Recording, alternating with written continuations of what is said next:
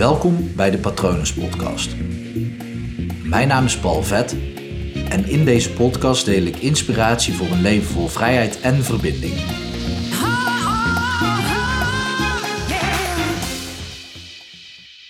Zojuist kreeg ik een telefoontje terwijl ik bezig was met het onderzoek en het creëren van een lang artikel en dus ook een langere podcast over trauma's.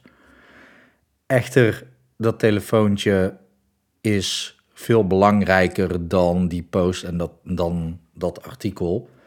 Niet dat ik jou, uh, die post en podcast bedoel ik, niet dat ik jou niet belangrijk vind, maar nou ja, dierbaren die gaan natuurlijk voor een podcast of een artikel.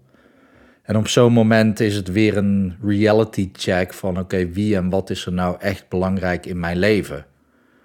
Wat als ik bijna niks meer zou hebben, welke dingen zou ik dan nog heel graag willen hebben om toch nog een fijn leven te kunnen leiden? En voor mij is dat vrij weinig. Ik heb niet veel nodig om een fijn leven te kunnen leiden. En zo'n moment van zo'n telefoontje, ja, dat zorgt er ook wel weer voor dat dat toch weer even scherper wordt gezet. Want ja, in het dagelijks leven verdwijnt dat misschien. Verdwijnt misschien die rust van: oké, wat heb je nou echt nodig in je leven? Richting wat ik ook heel fijn vind: groeien, ehm, beter worden in dingen, leren. Daar hou ik van. Maar gewoon zijn met wat er is, dat is, dat is zoveel belangrijker soms. En Daarom houd ik hem zeer kort deze keer, want dat telefoontje zorgt er dus voor dat ik nu ook meteen weg moet. Weg wil ook.